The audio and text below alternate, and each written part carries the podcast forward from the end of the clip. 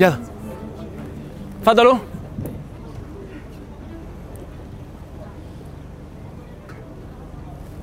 وان تو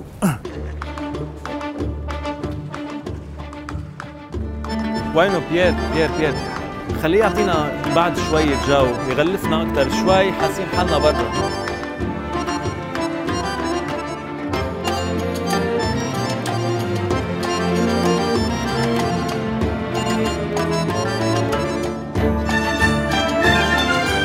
مرحبا هذه الحلقة خاصة وعم نحكي على صوت واطي لأنه ال concert تبع الأوركسترا الوطنية بقصر سرسق رح تبلش هلأ حلقة خاصة هي عن الموسيقى بلبنان تأثرها بالسياسة مع مايسترو الأوركسترا الوطنية لبنان بعلبكي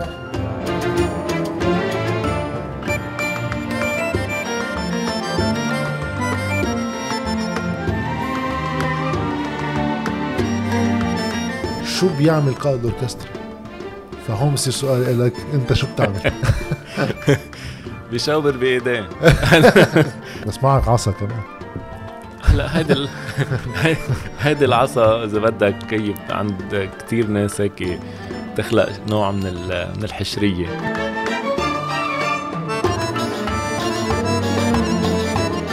أو ذا جاد فاذر مثلا. جاد فاذر بتطلع موسيقى. هذا ما فيك ما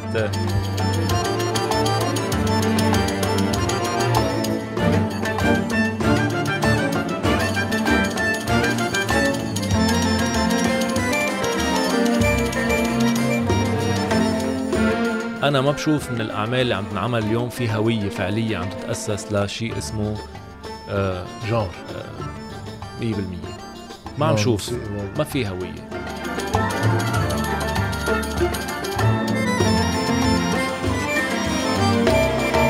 أنا ليك أنا في خبرية ما يعني, يعني ما كانت تفوت براسي ولا بأي شكل. آه وما خاصة بالقيمة تبع يعني القيمة المعرفية للناس يعني. بس وقتها بسمع إنه مدير المعهد هلا بالإنابة يمكن. ليش بالإنابة؟ لأنه ما تعين حدا، ليش ما تعين حدا؟ قال لأن ما تلاقى حدا أرثوذكس. أه بعرف البلد كله طوايف وكله تعين كذا بس على الموسيقى بترن غير عداني إنه. هيدي كارثة بالموسيقى لأنه أنت يعني ما فيها الرفاهية إنه كل طائفة عندها عشرة آلاف موسيقي لتقعد تنقي من بيناتهم.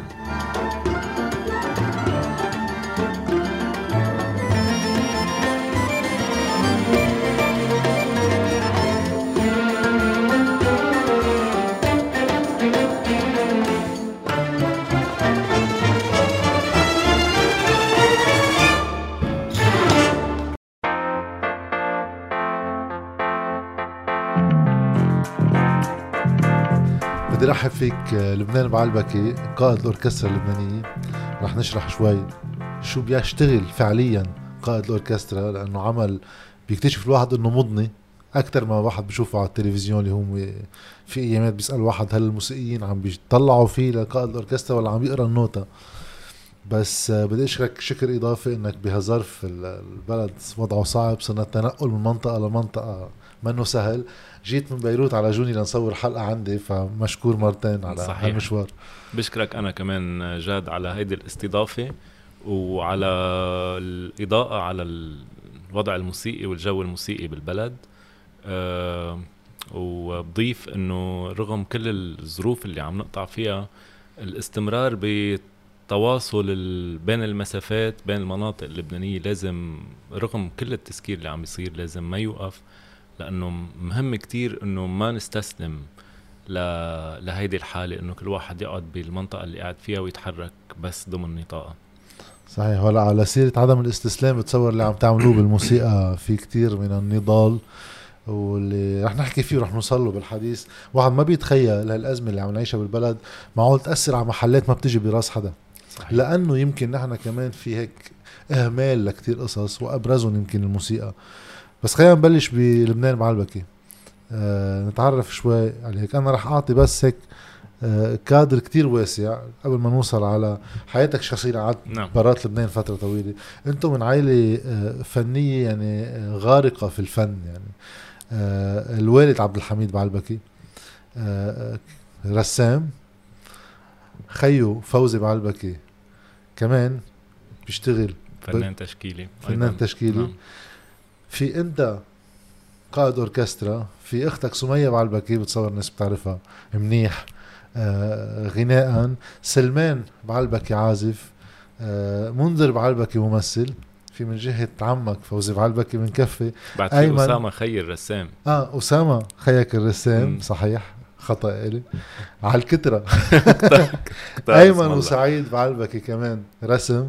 وأنا بزيد عليهم يمنى بعلبكي لأن بعرفها من التلفزيون صاحبي كثير أنا وياها بالتمثيل وأيضا بتشتغل بالتلفزيون. ف مش غريبة عليك تكون بهيك عائلة تطلع بجو فني.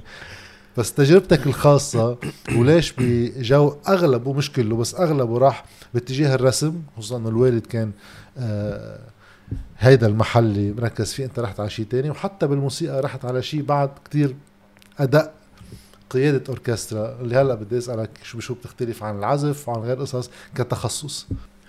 أنا أول طلعتي يعني بطفولتي كانت سمية بلش تغني لأنه سمية بلش تغني بعمر صغير بعمر ال 16 سنه آه كان عمري أنا بحدود السبع ثمان سنين تسع سنين. فهيدي إذا بدك بداية تكوين الذاكرة وبداية تكوين الوعي كانت آه، سمية إذا بدك آه، هي خاطفة الأضواء آه، يعني على صعيد ال- العائله على صعيد حتى الجو الفني بالبلد كانت عاملة صحيح. حالة بالبلد. ف إذا بدك ربيت معها وربيت على مسيرتها ال- الموسيقية. يعني أول مرة شفت مسرح أول مرة شفت تمارين مع الفرقة الموسيقية أول مرة فت على الكواليس. أول مرة شفت الفنان كيف بيحضر حاله قبل الحفلة آه، اهتمامات الفنان شو هي قبل ما يطلع على المسرح وقبل ما يوصل على الحفلة ال stress اللي بيعيشه آه، كيفية واحد إنه كيف ينفس stress تبعه شو ال- العادات اللي بيعملها قبل ما. قبل ما يطلع على الحفل الموسيقي شو هي فهيدا كله عشته إذا بدك بعمر مبكر جدا. بفضل إنه سمية كانت آه، هي الأولى و بهيدا الطريق وفاتحت هيدا الطريق. طبعا رجعت رجعتوا بعدين اشتغلتوا سوا. صح اشتغلنا سوا بعدين كذا مرة.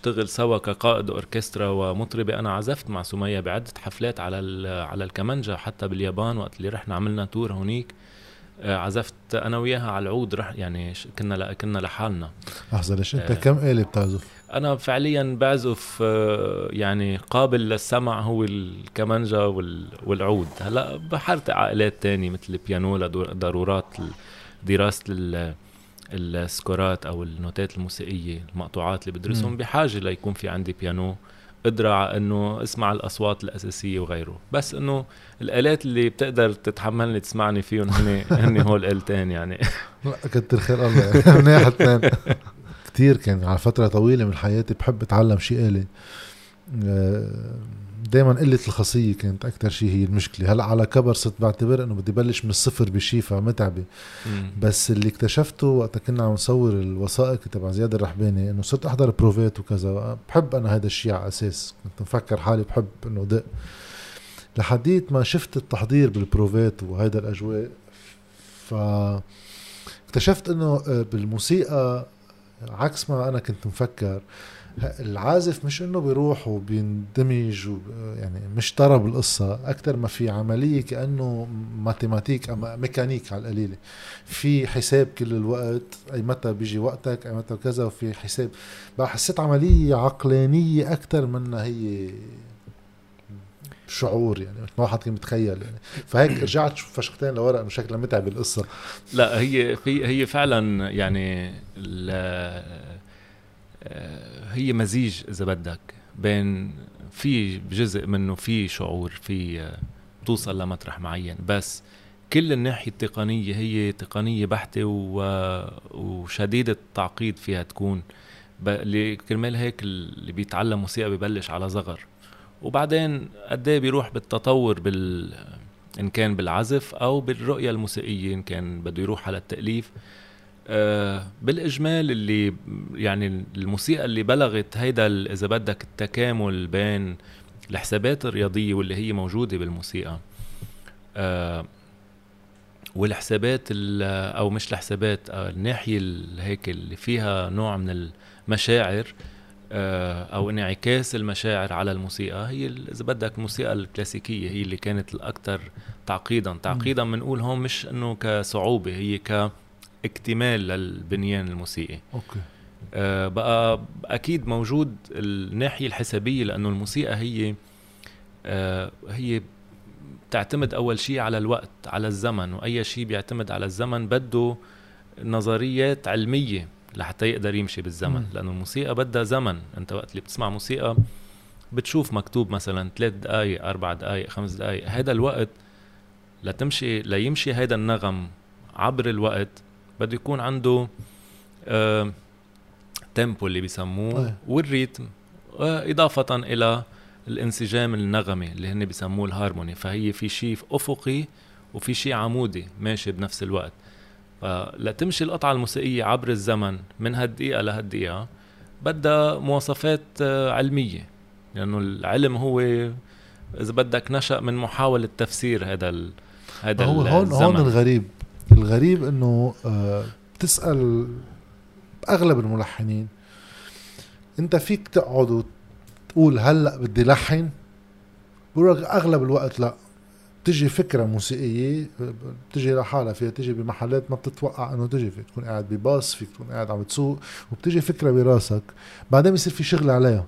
بس الفكرة نفسها مع إنه في لها آليات حسابية وقت بده يجي يشتغل اللحن فعليا آه يعني فيها شيء تقني بس الفكرة الأساسية دائما بتكون عكس. بتجي من محل ما بعرف كيف بده واحد يلقطه. أكيد.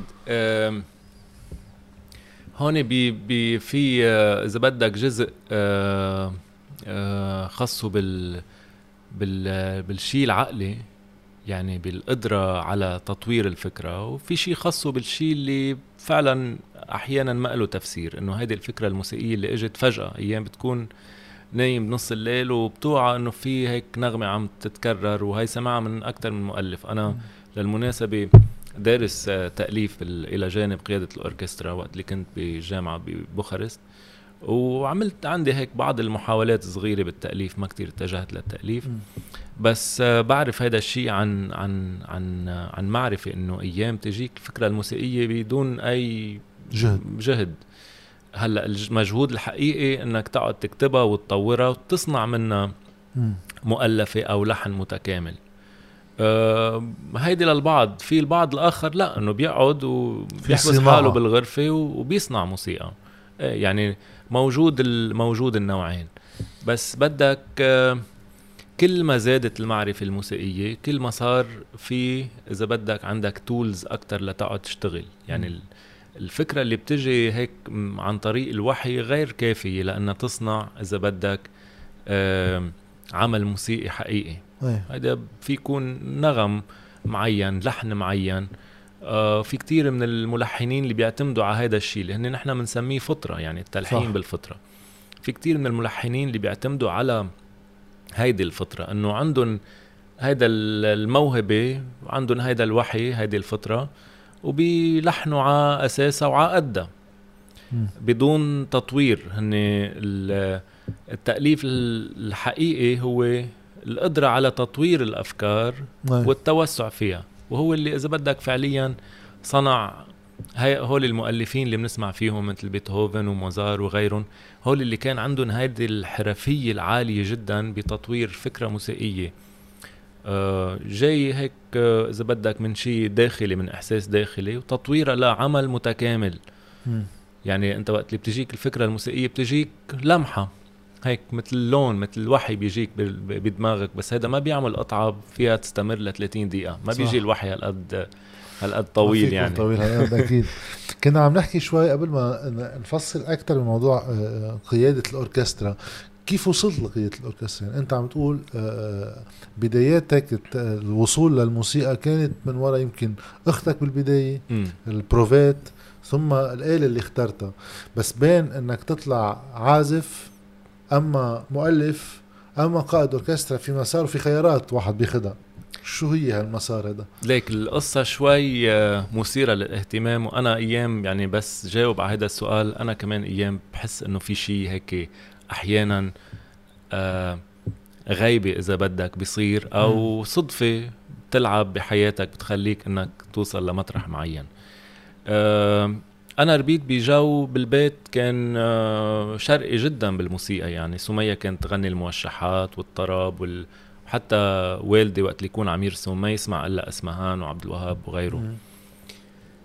آه وكان في مسجلة ومجموعة كاسيتات أغلبيتهم لكل هول الفنانين المعروفين بتاريخ العرب سيد درويش وعبد الوهاب وأسمهان وليلى مراد كان في كل هالمجموعة كان في كاسات آه لبيتهوفن هلأ أنا بوقتها ما كنت بعرف مين بيتهوفن مم. ال violin concerto تبع بيتهوفن حطه وأقعد أسمع بس هذا شو جابه على البيت؟ ما بعرف. هالخلطة هذا. الكاسيت كان موجود بين هول الكاسيتات العشرات أو مئات ال... يعني مكتبة واسعة من إيه. المجموعه واسعة. ما بعرف كيف وصل على البيت. هذا مش أنا اللي جبته كنت بعدني كتير صغير يعني كان عمري سبع ثمان سنين بوقتها. حط هذا الكاسيت وقعد اسمعه. هلأ لاقول لك إنه كنت أفهم الموسيقى ما كنت أفهم بس كان في شيء جدا جذاب. إنه كانت كتير واسعة كان كتير آه هذا صوت الأوركسترا اللي أنا ما كنت بعرفه. نحن بهديك الأيام ما كان عنا أوركسترا ولا كان عنا ثقافة الأوركسترا. ولا كانوا أهلي ياخذونا نسمع الأوركسترا أو الأوبرا أو غيره. ما كان عنا هالرفاهيه كل الشعب اللبناني. يمكن بعض العائلات كان عندهم بيانو بالبيت كان عندهم آه، هيدي الثقافة الغربية يحبوا يسمعوا هذا الشيء عن عن معرفة. نحن إذا بدك فعليا كانت التوجه؟ نحو ال... نحن بالحمراء آه، نحن. ربينا بشارع الحمراء آه وبقى رحت يعني عن طريق الصدفة لهيدا الجو. هيدا الشيء ضل على الآن براسي لحد ما بلشت أتعلم أنا على الكمانجا وبلشت أنا أسعى روح جيب مؤلفات وصرت أعرف عن الموسيقى الكلاسيكية وصرت أعرف مين المؤلفين وأقرأ عنهم وأعمل أبحاث. كان في محل اسمه بالحمراء بآخر الحمراء اسمه أنسولد يبيع مجلات الموسيقى الميوزك اسمها المجلة مشهورة كتير بالعالم. كان يبيع ويطلع فيها سيدي بآخرها على الغلاف. كنت روح جيب هول المجلات لجمع السيديات لصير اسمعهم. وصار عندي معرفة بال... بالمؤلفين. آه يعني من عمر صغير صار في الارتباط بالموسيقى صح، الكلاسيكية. صح. بس بطريقة فعلا ب... بالصدفة وتنامت هيدي الصدفة. وقت اللي فت على المعهد صرت أتعرف على موسيقيين أكثر ف لقيت حالي رحت لجو الكلاسيك. آه، تلقائيا. يعني ما كان في آه، لا تصميم ولا كان في مجهود على هذا الشيء. رحت تلقائيا لهذا الجو. بعدين آه، بمطرح صرت عم حس إنه حابب وسع أكثر هذا الأفق وهذا التوسيع بيجي عبر دراسة بجامعة خارج لبنان لأنه ما عندنا نحن فعليا كان بهديك الأيام جامعات تدرس الموسيقى الكلاسيكية على مستوى احترافي. فكنت بين إنه أعمل تأليف أو أعمل قيادة أوركسترا وبعدين قررت أعمل أعمل قيادة أوركسترا لأنه حسيت إنه يعني كنت من أول هيك من أول تجارب الموسيقيه كان عندي دائما هيدي القدرة أنه جمع موسيقيين ونعمل فرقة صغيرة وعملنا موشحات وعملنا ما بعرف شو آه ندق سماعيات ولونجايات وبشارف وقانون وعود ودف كل دراستك أنت دراسة موسيقية؟ عملت musicology بالكاسليك آه كنت بالتلميذ بالمعهد الموسيقي قبل بالكونسرفاتوار آه درست فلوت كمان آه وبعدين سافرت على كلوج نابوكا بشمال رومانيا درست بجامعة عريقة بالموسيقى الكلاسيكية. وصابني إذا بدك آه، فرصة تاريخية أنه درست مع قائد أوركسترا عريق أيضا هو تلميذ سيرجيو تشيليبيداكي اللي هو يعتبر من أيقونات الموسيقى الكلاسيكية بقيادة الأوركسترا. يعني كان في كاريان سيرجيو تشيليبيداكي آه، هول اللي كانوا إذا بدك الأسماء الأكبر. آه، بقيادة الأوركسترا. فكان عندي هيدا الحظ إنه درست مع هيدا الأستاذ وبعدين رحت على بوخارست عملت masters بقيادة الأوركسترا ثم دكتوراه بعلم نفس قيادة الأوركسترا. في علم نفس بعلم النفس طبعا. آه طبعا لأنه في جزء آه كتير آه إداري بهذا بهذا الموضوع. يعني وقت اللي بشتغل مع الأوركسترا في أي شغل مع مجموعة عالم بده إذا بدك leadership سكيلز يعني قدرات على القيادة أو الإدارة.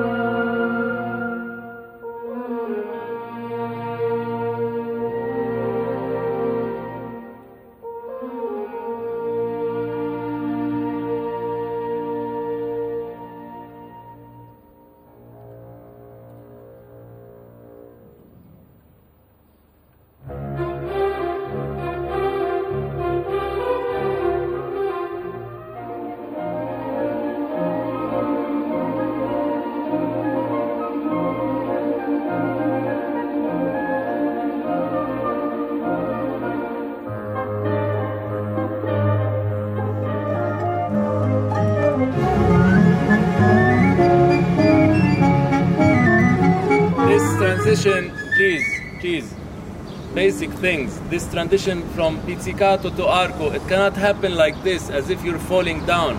Pop, pop, pop, pop, yeah, it has to be very, very sure, very, no. It's always, I feel that something is falling down. No, please. If you need more space, don't play the last pizzicato, but on the trill, you cannot do, okay? Again.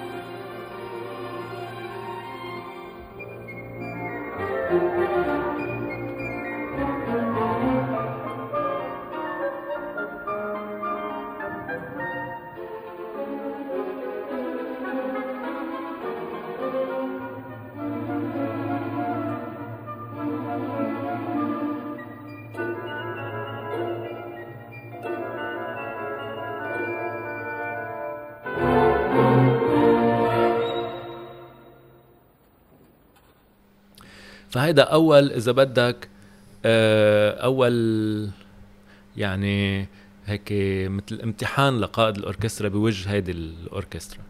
أه وقت اللي بيوحي إنه هو عنده ثقة وعارف العمل ساعتها بيصير في قدرة التواصل مع الموسيقيين بصيروا يثقوا فيك أسهل. أكثر طبعا طبعا. لأنه هيدا الموسيقي آه، خاصه يعني أنت عم تحكي عن جسمين مختلفين عن بعض عم يشتغلوا مع بعض. الأوركسترا هي مؤسسة قائمة هول الموسيقيين ممكن يكونوا زملاء بالعمل لعشرين سنة. أنت كقائد أوركسترا فيك تروح لأول مرة تشتغل معهم وما ترجع تشوفهم أو ترجع تشوفهم السنة اللي بعدها. لأنه الأوركسترات نظامها عادة بيعملوا شيء مثل اسمه ال guest conducting يعني بيجي كل أسبوع ضيف من بلد معين أو من ضيف أو قائد أوركسترا أيه. معين بدير هاي الأوركسترا بحفلة معينة. يعني بياخد أسبوع تمارين وبيعملوا هيدي الحفلة. طيب أنا رح أستفيد من هيدا ال window تا واحد يسألك السؤال الصعب يعني إنه قائد الاوركسترا آه، إذا واحد بده يعتبر آه، هيلا انسان عم بيحضر حفلة عم بحكي. حفلة في غنى تحديدا الأهين هيدي. آه، في بيكون حدا عم بيغني وبيكون في أوركسترا أما فرقة. وبيكون في قائد أوركسترا. قائد الأوركسترا بيكون عم يعمل gesticulations يعني. تاع عم بيقود أوركسترا. ولكن بتطلع بالفرقة بشكل عام بتلاقي الموسيقيين عم بيقروا النوتة قدامهم. فبصير في تصور إنه إذا في نوتة موسيقية مكتوبة. وإذا الموسيقي كل واحد عم بيقرا النوتة تبعه شو بيعمل قائد الأوركسترا؟ فهون بصير سؤالي لك أنت شو بتعمل؟ بيشاور بايديه هذا اللي بوليس البلدية آه، تحضير العمل الموسيقي بأول شيء بيتم آه، بناؤه مع ال- الأوركسترا عن طريق التمارين. هذه التمارين أول شيء النوتة الموسيقية يعني الأعمال الموسيقية هذه النوتات مكتوبة على ورق. فعليا ما فيها حياة. اللي بده يعطي الحياة لهيدي القطعة الموسيقية هو ال performer يعني okay. عندك عدد أشكال معينة مختلفة من ال performer في يكون عازف بيانو مثلا هيدا اسمه performer بيقعد بيعزف هيدي المعزوفة بطريقته هو كيف شافها وكيف درسها وكيف عمل لها تحليل. بس وقت اللي بيكون في اوركسترا 50 60 70 100 150 عازف لازم يكون في leader لازم يكون في شخص مسؤول عن هيدي الرؤية الموسيقية اللي بدها تنعمل. آه، الاوركسترا بتتحول ل إذا بدك آلة متكاملة مع بعضها وبتعزف هودي هيدي الأعمال السيمفونيات الكونشيرتويات اللي هي. فقائد الأوركسترا هو المسؤول عن هيدي الرؤية وهو اللي بيعطي الحياة لهيدي الموسيقى. هلأ الحياة بتنعطى لهي الموسيقى بالتمارين عن طريق بينعزف مقطع بيصلح بيظبط هون بتلعب هيك هون بتعمل هيك.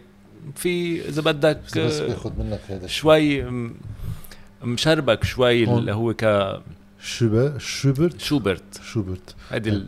إذا هون عم نطلع على ما بعرف إذا على الكاميرا مبين بس واحد عم يطلع على هذا الشيء. اليوم في نص كأنه موسيقي مكتوب. في نص مكتوب. في قدرة للاجتهاد بالمكتوب ولا هو مفروض واحد عم بيلتزم بيه؟ يعني في هي يعني النص بيحكمك في تفسير لهذا النص. أول شيء أنت عندك هون آه عموديا كل الآلات عازف. عازف الفلوت بيكون عنده ال part تبعه اللي okay. هو مكتوب فلوت عليه عازف الكمان عازف تشيلو عازف الفيولا كل واحد عنده ال part تبعه قائد الأوركسترا عنده كل الآلات مع بعضها بيشوفها عموديا وافقيا بنفس الوقت يعني إذا عازف التشيلو مثلا بيقرأ بس الخط المكتوب قدامه وبيعزفه قائد الأوركسترا بده يقرأ كل هيدي المعلومات بنفس الوقت مع بعضها هلأ الشغل اللي صاير هون بالأحمر وبالأزرق وبالأسود. هول أنت حاططهم على هيدا؟ هولي طبعا هولي إذا بدك آه، آه، يعني آه، خلال دراستي للمقطوعة بصير بعمل تحليل مثلا. هذه الجملة الموسيقية هي عبارة عن أربع measures ال measures اللي هي الوحدة الزمنية اللي بيكون مكتوب فيها. مم. ال measure فيها تكون 2 على 4 3 على 4 4 4 هذا بالعلم ال- إيه. الدقيق التفصيلي اللي إنه يمكن بس الموسيقيين إيه. بيفهموه. آه في الموسيقى هي مركبة إذا بدك من عدة جمل موسيقية عدة أفكار موسيقية. أول شيء ال- السيمفوني هي ستراكتشر هو بناء متكامل وله علم وله معرفة كيف بينبنى. يعني عندك ال introduction اللي هو ال- ال- المقدمة بعدين بتفوت بال first theme يعني الموضوع الأول موضوع الموسيقي الأول. بعدين في عندك جسر موسيقي بعدين بتفوت بال second theme اللي هو الموضوع الموسيقي الثاني عم تحكي بنفس القطعة نحن هيك بنشوفها. آه. يعني أنا وقت اللي اقعد حلل بقعد بشوف هولي بصير بفتش عليهم.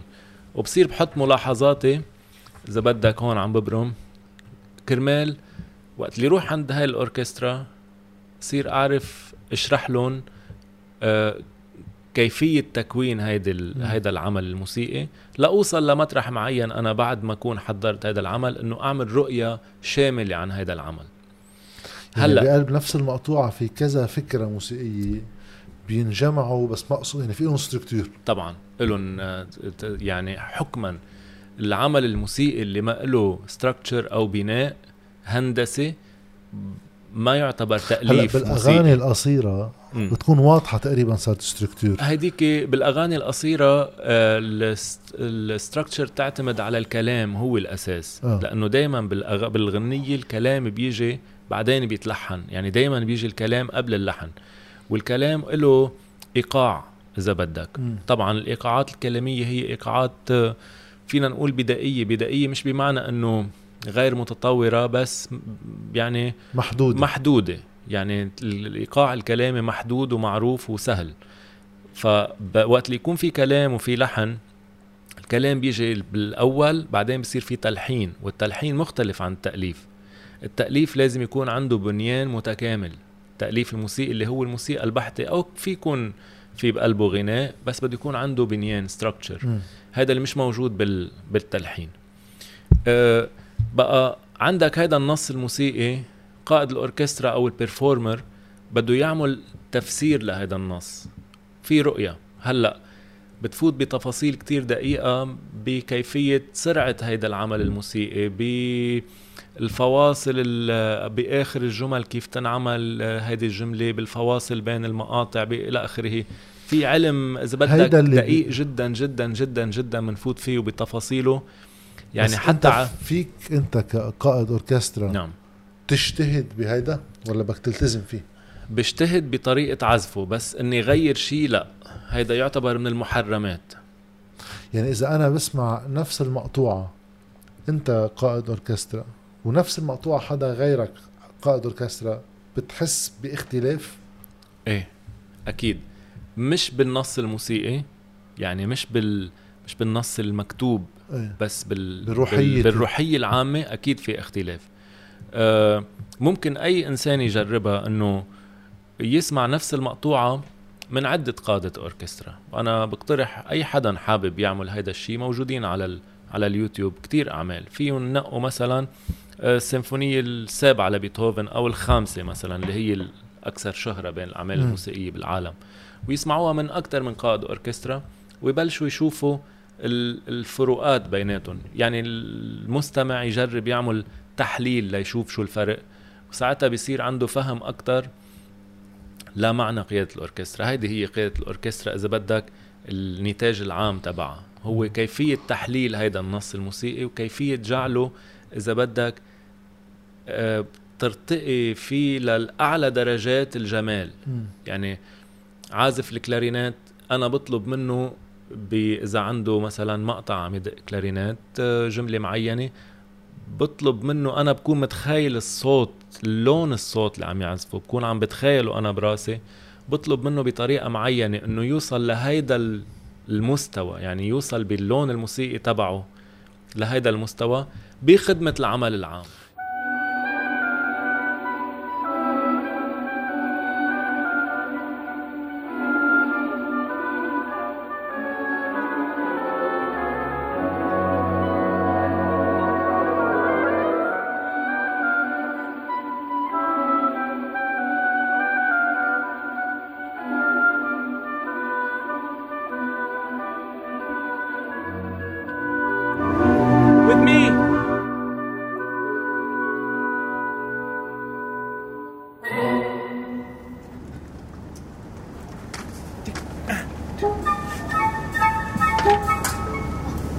Ataka, this is Ataka, yes? No, no, no, no, no attack.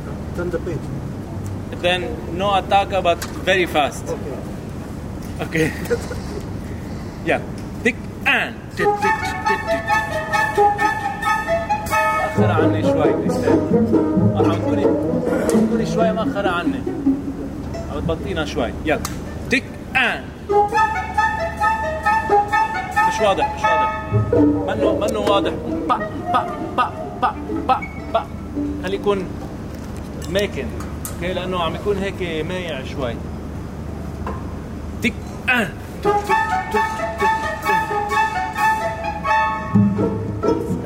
ما, عندك وقت يعني. أنا عملت فري ان با با با.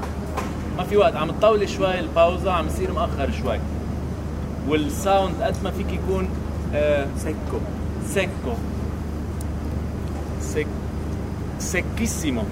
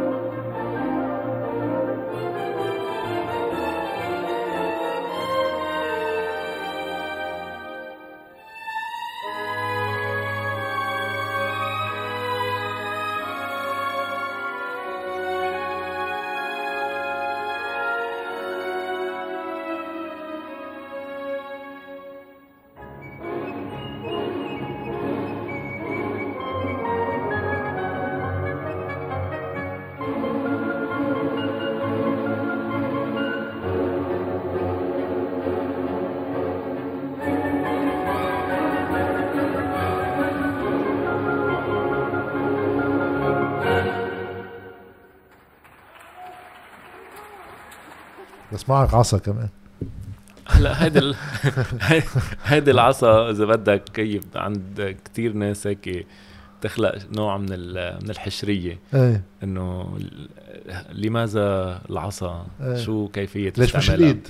إيه في يكون بكل سهولة الإيد لأنه الإيد آه، هي يعني إذا بدك بدايات التعبير ال- اللي مرتبط بالموسيقى وبالمجموعات الموسيقية كانت بالإيد العصا تطورت آه، لصارت بهذا الشكل هلأ لأنه الأوركسترات الكبيرة بيكون في مسافات بين الموسيقيين يعني بين قائد الأوركسترا وآخر موسيقي ممكن يكون في إيه. 15 متر أي- أحيانا مسافة وأيام أكثر فهيدا العصا خلال تحريكها بهذا الشكل ولونها الأبيض وهذا الطول ورفيعة آه، بتوضح الإشارة يعني بتخلي الإشارة؟ بتخلي الإشارة تصير واضحة هلأ الإشارات الإشارات هي كمان مجموعة قصص أشياء تقنية إضافة إلى آه، آه، يعني إذا بدك شيء تعبيري.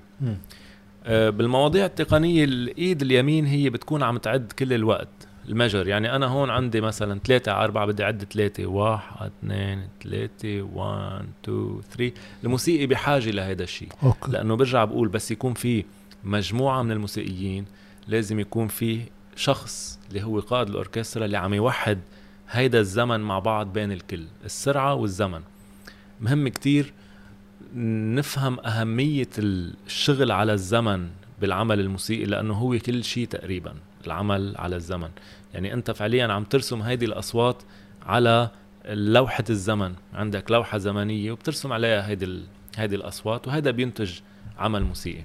فالموسيقي بحاجة إنه يشوف هيدا العد لأنه الموسيقيين ما بيكونوا عم يسمعوا بعض بنفس الوقت اللي قاعد ورا كتير بعيد ما بيسمع اللي قاعد هون قدام يعني وهيدي شغلة أيام بالوقت بالصوت طبعاً. يعني بين بين آخر. الأوركسترا وأولها في فرق بس بال طبعا وهون شغلة حلوة إنه الناس اللي بتسمعه هي وقاعدة بالمسرح عم تحضر حفلة موسيقية غير اللي بيكونوا عم يسمعوه الموسيقية يعني إذا بتيجي بتوقف بين الأوركسترا أو بتوقف وراهم بتسمع شيء مختلف منتج موسيقي مختلف.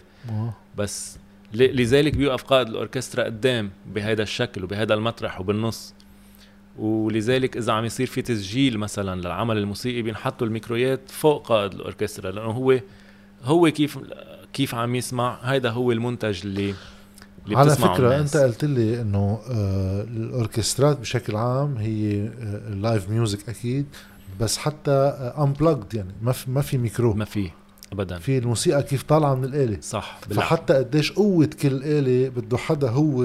يدوزنها طبعا هيدي كمان قائد الأوركسترا بي بيدوزن قد إيه بده يلعب ال trompetات قد إيه بدهم يلعبوا الكمانجات ال violonات قد إيه يعني حتى قوة الأصوات بيدوزن كل شيء ليوصل هيدا المنتج آه، إذا بدك بهيدي الروحية اللي هو بيكون عم يتخيلها يعني وبقوا- هذا اللي ما صار بحفلة آه، سرسو لأسباب تقنية لأنه outdoor والصوت صح يمكن هذا. صح. بال... كان في ميكرويات بس صح. هو بشكل عام مش هيك يكون في ميكرويات بس كمان آه ال ال يعني مهندس الصوت اللي بيكون عم يشتغل على الميكسر بالحفلات الكلاسيكية أول شيء بينحطوا الميكرويات بطريقة مختلفة عن الحفلات البوب. ومهندس الصوت ما بيتدخل على الميكسر يعني ما بيعلي وبيوطي للمطرب مثلا أو غيره.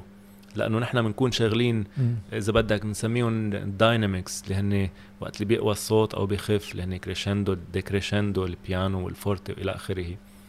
آه هول بيتحكم فيهم قائد الأوركسترا. لذلك حتى هندسة الصوت المرتبطة بالموسيقى السيمفونية الأوركسترالية الكلاسيكية شو ما بدك سميها آه بتكون مختلف. تخيل قديش ثقافتنا آه السياسية هي على تعارض كامل مع كل شيء عم تقوله أكيد اللي هو هذا الهارموني يعني أكيد. وفي هرمية حتى ب نحن كلنا leaders بالبلد وكلنا. بنفهم بكل شيء. بقى يعني فكرة المجموعة كتير مهمة لأنه قادرين يفكروا كمجموعة و- هذا الشيء صعب كتير تفسيره لأنه بس تكون عايشه آه، تفسيره صعب آه، وقت اللي عم تشتغل مع مجموعة كبيرة من الناس تشوف هالقد التفكير الجماعي قوي بيناتهم هالقد في link بيناتهم سريع. طبعا هيدا ناتج عن هذا بده خبرة. آه عن خبرة كبيرة وعن أمور تقنية إنه ال concert master اللي هو بيقعد أول واحد آه بين الكمانجات هو يعتبر ال leader تبع الأوركسترا بكل section في leader لإلهم. آه. يعني بال cello في أول واحد هو ال leader فاللي بيكونوا اللي قاعد ورا عم يطلع عليه عم يشوف القرشيه وين حاطه عم يشوف بأي طريقة عم يعزف بصير يعزف مثله. قديش في حاجة بهالعمل تيقدر يكون على المستوى المطلوب إنه الكل بده يشتغل سوا؟ أكيد. منشان هيك في اهتمام هالقد بأوروبا أو بالعالم المتقدم مش بس بأوروبا بموضوع الأوركسترات. منشان هيك بالمدارس بياخدوا التلاميذ في شيء اسمه educational concerts بيعملوهم. بياخدوا التلاميذ على حفلات بيقعدوا الاولاد بين الأوركسترا بيشوفوا الprovات كيف عم تمشي. ومن هونيك بيبلشوا يتعلموا ال discipline هذا بينعكس على أي قطاع شغل بتشتغلوا بالحياة. العمل هو الجماعي. العمل الجماعي والقدرة على التو... التواصل والتفاهم. طبعا ما في وجود للإيجو بهذا الموضوع مم. لأنه كل واحد عارف حاله شو عم يعمل واللي هو آه آه، إذا بدك مش أقل بس اللي هو أقل خبرة من الآخر. بيقعد ورا والأكثر خبرة بيقعد قدام وبعض الأشخاص فقط بالأوركسترا مخولين يعطوا ملاحظات خلال البروفات. مش أي حدا في يقوم يحكي ويسأل سؤاله. في أوف. الأوركسترا بتشتغل بأنظمة صارمة جدا جدا. جدا مثل الجيش وأكثر كمان إذا بدك. حسألك شوي عن الثقافة الموسيقية بشكل عام. نحن آه أول شغلة أول سؤال هيك كمان بيخطر ببالي. إنه آه مثلا أنا بسمع بغربي وبسمع شرقي.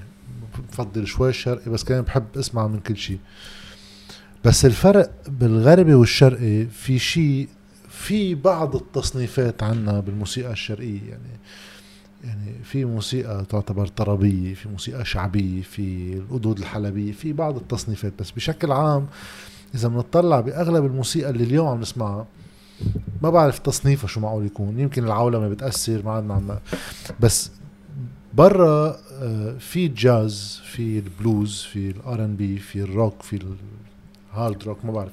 في تصنيف بتحسه هيك أوضح وبيمشي حتى على الأغاني الحديثة يعني حتى في أغاني هلأ ما بعرف إذا البوب هو صار شيء كمان فئة بحد ذاتها بس في أغاني حديثة فيها تكون كونتري فيها تكون كذا نحن آه، كأنه القدود الحلبيه وقفت في, في. قدود حلبيه. وخلصت طق. وقفت. الطرب كأنه في طرب وقف آه، صحيح حتى المواويل يعني في هل جار موال بطل في جار موال جديد صحيح نحن هيدا شو هو نحن حياتنا الثقافية حضارتنا بالإجمال منعيشها بمراحل مراحل ضيقة آه الغرب عنده استمرار حضاري آه عمره 600 سنة إذا بدك. هذا إذا بدك الشكل الأوضح يعني. الجزء الواضح. في استمرار حضاري والفنون جزء لا يتجزأ من المجتمع سياسيا عقائديا اجتماعيا ما في خلاف على الفنون. آه، الاتحاد السوفيتي آه، سقطت ال- القيصرية وإجا النظام الشيوعي ما كان في خلاف على الفنون. ظلت الفنون هي أولوية بالنسبة للنظامين. بتختلف الأنظمة بيروح نظام بيجي نظام آه، آه، بأوروبا كانت الكنيسة مسيطرة بعدين آه، دخلت العلمانية أكتر. ما تغير أي شيء بالنسبة للثقافة والفنون ضلت هي إذا بدك جزء كتير أساسي من حياة الأوروبيين. نحن الموضوع مختلف عنا. نحن ما في إذا بدك انسجام حضاري ما في تطور حضاري منسجم مع حاله. عبر التاريخ. نحن كل 20 30 سنة آه، محتل جديد. كل فترة كان في امبراطورية جديدة تجي تحكم بهيدي المنطقة آه، ومختلفين عن بعض. وكل امبراطورية تجي. تفرض آه، أعراف جديدة وأصول جديدة. ساعة الموسيقى حرام ساعة نص حرام ساعة لا ماشي الحال ساعة بهيدي الطريقة بنمشيها هيدي عت- على صعيد الموسيقى على الرسم كمان كذلك الأمر إنه طيب ما بنرسم بس من منلون بس. يعني في إذا بدك هلا هيدا الحديث بعرف إنه حساس بس إنه هيدا الواقع تبعنا. مم. آه، ما في انسجام بالتطور الحضاري تبعنا كمنطقة وكشعوب نحن بعدنا ما بنعرف حالنا آه، عرب مش عرب مشرقيين مش مشرقيين. كذلك الأمر الموسيقى العربية تسمى موسيقى عربية بس هي عربية فقط لأنه بتتغنى باللغة العربية وإلا هي نتاج آه، آه، مجموعة كتير كبيرة من ال- التأثيرات اللي إجت من الهند ومن ومن الصين ومن غيره واحتلالات كمان إجت على هذه المنطقة إن كان الفرس أو ال آه، أو ال- العثمانيين أو يعني هذه المنطقة آه، انحكمت كل حكم. كان يجيب شيء ويفل يجي حدا تاني يغير هذا بس هذا الشيء بيفسر كتير قديش بنلاقي هيك تشابه خلينا نسميه آه، بشيء بنسمعه بتركيا وشيء بنسمعه معقول هون. صحيح. حتى شيء بنسمعه بإيران شيء. بنسمعه هون. حتى أيام آه، اليونان بالغالي مع الإمبراطورية العثمانية مدت فكمان في آه، بس هول الانقطاعات بين مرحلة ومرحلة وأكيد في الادواء في العوامل الدينية الثقافيه اللي بتسمح وبت وبتمنع أيام.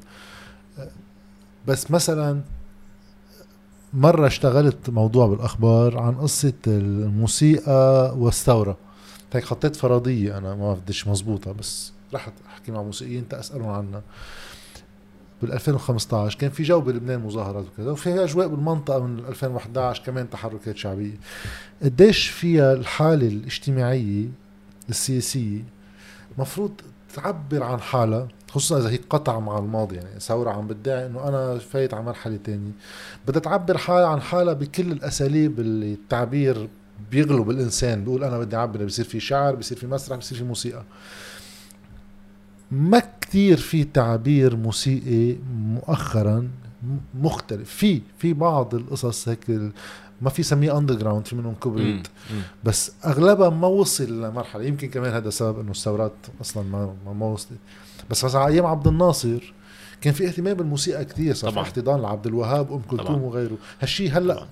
ما بعرف وينه بسبب أنا برأيي إنه ما في ال- الفنون منا من المسلمات الاجتماعية بمنطقتنا وهذا ما بينطبق. ما بينطبق مش بس منا أولوية منا من المسلمات الاجتماعية. يعني نحن بحياتنا ال... ال- بال... بال... بمجتمعاتنا في فئة قليلة اللي هي بت- بتعطي اهتمام بهذا الموضوع وإلا جزء كتير باقي كتير كبير من الشعوب بالمنطقة ما عندها هذا الجزء بحياتها اليومية. يعني الفنون التراث منه موجود. ومنه منه متطور. موجود بس موجود إذا بدك إنه تتسلى يعني مش موجود ك ك- يعني بعرف كيف بدي أعبر عنها بس إنه أنا مثلا بمحيطي وأنا حتى إنه الموسيقى دائما موجودة بالسيارة وعلى التليفون وأنغامي وديزل وك... بس موجودة ل بس مش مش كهوية. نحن ما عندنا إيه. إياها موجودة كهوية. يعني نحن إذا بتروح مثلا على ما بعرف آه شو بيميز هلأ إذا بتروح ب بتعمل آه، رحلة بروسيا لنقول. بكل مقاطعة بتلاقي في لباس معين بيلبسوه في نوع أكل معين بياكلوه. الموسيقى آه، عندهم نوع آلات معين بيعزفوا عليه ونوع ونوع موسيقى بي بيعزفوا هذه الأغاني من 500 سنة لورا. ونوع رقص معين. نحن فايتي القصص ببعضها ومنه كتير واضح هيدا التراث مش لأنه الشعوب ما عندها إياه لأنه هيدي الشعوب اتدمرت وتكسرت يعني إجا على هيدي المناطق من ما هب ودب كل واحد يجي شي بده يمحي شي بده يلغي شي بده يفرض شي جديد. آه، الشعوب بطلت قادرة تتمسك بثقافتها لأنه كانت متطو... مضطرة هيدي المجتمعات أنها تتلون كل الوقت. وهيدا كتر التلوين كل الوقت ضيع كتير جزء كتير كبير من الهوية. ونحن هلأ إذا بدك في كمان إعادة تلوين عم بتصير تشبه الجو المحيط فينا اللي هو جو آه، غير مبدئي آه، يعني ما في ما في مبادئ ما في قيم. نفس الشيء عم بيصير بال بالجو العام إيه. بالفنون. طبعا في كتير من الفنانين اللي هن صامدين ومناضلين وعم يجربوا يثبتوا إجريهم بالأرض. بس بالجو العام آه، في هيدا هيك إذا بدك ال- الرخص بالقصص مثل ما كل شيء عم بيكون عم نسمع قصص عم تنتشر موسيقيا يعني آه هن رديات رديات معك نغم وراهم إيه، بس هن رديات يعني إيه. وبصير في سهرة كاملة وفي عالم سهرانين على رديات يعني آه في هيك ما عادش ما عاد في صناعة يعني أنا حتى صلح لي إذا أنا غلطان بس إنه أنا من موقعي كمستمع مثلا حتى بين فترة اللي أنا عشتهم يعني أنا عمري 34 سنة ما عشت آه، عز الرحابنة ولا عشت أم كلثوم كذا طيب أنا وقت أسمع ملحم بركات ملحم بركات مثلا بمثلا غنية مثل تعال ننسى. بتبلش شيء بصير في مقطع شيء تاني بيرجع تنتقل لشيء ثالث بيرجع شيء رابع. في شغل. هلأ الأغاني صاروا جملة بالأول جملة بالنص. نرجع نعيدهم مرتين خلصت الغنية. صحيح. بقى بس هيدا وين ما كان يمكن بالعالم موجود. ما بعرف إذا هيدا ال- ال- الشيء الكوميرشال صار هيك وين ما كان. ال- ال commercial آه، يعني قابل للبحث بصير هون بدنا نفوت بتفاصيل كل حالة على حدا. آه. بس نحن هون بمنطقتنا آه، ما في مؤسسة للعمل الفني. يعني ما في tradition أنت ما عم تخلق. طالما عندك ما عندك مؤسسة بتعلم ال- التلحين الشرقي ما في شيء اسمه تعليم التلحين الشرقي. يعني أنا ما شفت آه، آه، بيت ال- يعني الرحابني عملوا إذا بدك حالة رائعة. بالإنتاج الموسيقي بس ما تحولت الحالة اللي عملوها لمدرسة للآخرين يبلشوا يتعلموا على أساسها يعني مثلا هايدن كان أستاذ موزار وموزار أثر على بيتهوفن كانوا كل هول العظماء يدرسوا بعض اسسوا بأوروبا في مدرسة بالتعليم. صح. الموسيقي وبالتعليم الفني بشكل عام نحن ما تحولت التجربة الفنية والثقافية بمنطقة الشرق الأوسط بلبنان إذا بدك أخذ بالتحديد؟ ما ما تحولت لمؤسسة مؤسسة. بتنتج آه تقاليد بالتأليف الموسيقي. بس ليش هالشيء ما بتنتج في في عندهم tradition. يعني مثلا بمصر في تحديدا فتره الخمسينات ستينات سبعينات وعندنا بلبنان الرحابنه وفي غيرهم بس بجو قريب. لأنه ما في استقرار أول شيء نحن ما عندنا استقرار اجتماعي ونحن آه، كان في نخبة حاكمة بفترة معينة إجت آه، بيئة تانية حكمت آه، راحت هيدي خف إذا بدك وهج هيدي النخبة آه، هيدي البيئة التانية بلش تتحول لنخبة. ما عم يكون في عنا استقرار لنقدر نبلش نأسس لمؤسسات ثقافية. يعني نحن بالموضوع الثقافي ما في شيء عنده ما في شيء تحول لمؤسسة لحد اليوم. هيدا برأيك بتلاقي بس حالات فردية بتنجح حتى بالرسم حتى بالمسرح. حالات فردية بيلمع نجمة بيعملوا أع- أعمال جميلة جدا. بعدين بيجي ظرف سياسي على البلد أو ظرف أمني بيكسر كل شيء صار بتصير هيدا تاريخ وتراث بتسمعه لحاله بس ما له ارتباط مع شيء جديد. بيجي تأثير جديد على البلد آه، ثقافيا اجتماعيا آه، ماديا. بيغير هذه الموجة بياخدها لمطرح تاني. مثل اللي صار يعني قبل الحرب. شو كان فيه آه، بيت الرحباني آه، زكي نصيف وقبلهم كان في جيل تاني كمان ما كتير بنسمع عنه عمر زعني لبابيدي يحيى اللبابيدي يمكن مم. اسمه. كان في كمان جو حلو كتير ببيروت بيشبه كتير هيك المنطقة. أه وعلى فكرة بيتعارض شوي تحديدا بحاله عمر الزعني مع الصورة المتخيلة عن اللبنانيين انه بوقت الكلمات كانوا هيك ترقال لا مش مزبوط يعني كان في كلام شعبي شعبي. صح. صح. بيشبه كيف بنحكي بيومياتنا. صحيح جدا. نفس الشيء سيد درويش بمصر. صحيح. كان كتير بيشبه حالة عمر الزعني ببيروت وهذا النقد الشعبي والحالة الشعبية. واذا بدك هول فيهم يعتبروا آه مرجع ل آه، نحن بنشوف صور الأبيض واسود هيك بنتغزل ببيروت بس وقت اللي عمر الزعني بيقول لك بيروت زهرة في غير أوانها يعني من الأربعينات نحن نفس ال نفس الحديث فكرة في مرة قعدت أسمع أغاني عمر الزعني بكلماتهم في يعني في شوية تقاطعات مع أزماتنا وكيف تتكرر عم نحكي من الأربعينات يعني. صح. بتضحك يعني. صح. بتضحك أم بتبكي؟ ما بعرف أي واحد من الاثنين آه بقى بس هيدا الواقع اللي أنت عم تقوله هو اللي يعني إذا واحد هلا يمكن كمان هيدي نظرة ريتروسبكتيف يعني صرنا نعرف شو صار فعم نرجع ونقول إنه هاي موسيقى بين مزدوجين لبنانية. يعني إذا بسمع شيء لزكي نصيف بسمع شيء للرحابني بسمع شيء لفيليمون وهبي في هيك طابع عن خلق بين هالمجموعة اللي أغلبهم اشتغلوا مع بعض. يعني بتقول إنه هاي بتشبه موسيقى لبنانية. اليوم ما بعرف إذا في شيء من الأغاني اللي عم نسمعها فينا نسميها لبنانية. يعني إذا بسمع الموسيقى وبشيل الكلام فيها تكون شو ما كان. لا هي تجربة الموسيقى اللبنانية انتهت مع آه، مع مع الرحابنة مع وطبعا كمان زكي نصيف كان رائد بالأغنية اللبنانية وكتار غيرهم حتى ما نفوت بالأسماء كرمال ما ننسى حدا. بس صح. انتهت مع هول الأشخاص هذه التجربة. لعدة لعدة ظروف والظرف السياسي كتير أساسي فيها. يعني كيان الكيانية لبنان واعتراف اللبنانيين جميعا بهذه الكيانية وإنه هذا الكيان له ثقافة معينة وله هوية معينة.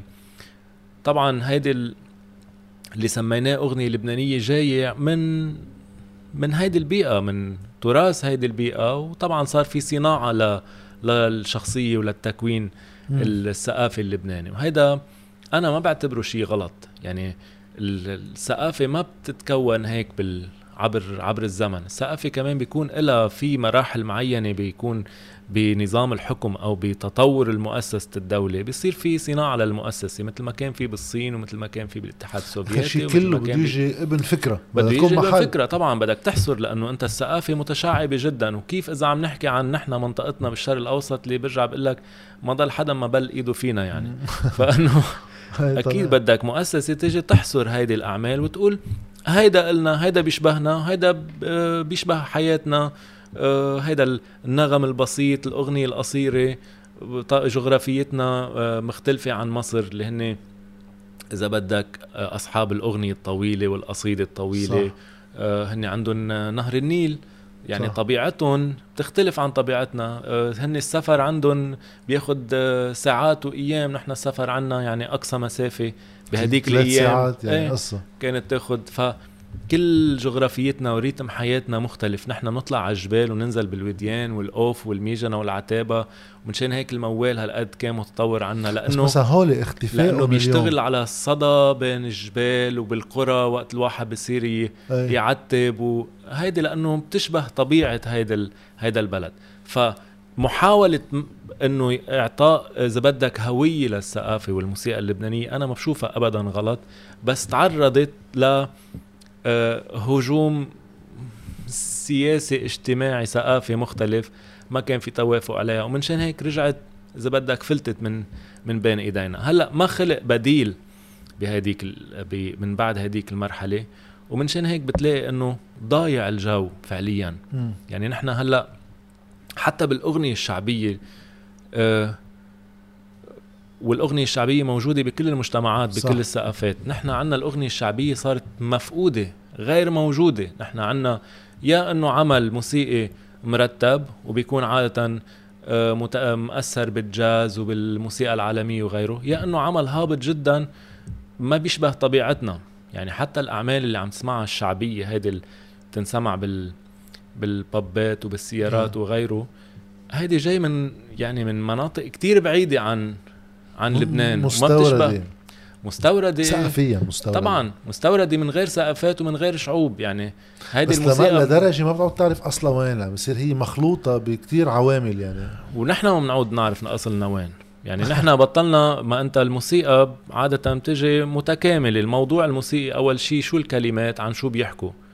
يعني وقت اللي في غنية واحد قاعد بيحكي مع وحدة كل الوقت كيف آه، شدها من شعرها وكيف عمل وكيف مدري شو خانته مع مدري مين و... إيه. هيدا فعليا ما بيشبه آه، مجتمعنا اللبناني لأنه نحن اللي اللي الأغاني الموجودة بآخر 50 60 سنة مختلفين جدا عن هذا الشيء هذا واحد. اثنين ما فينا نرقص على هيدي الأغاني ما بيشبه رقصنا الشعبي.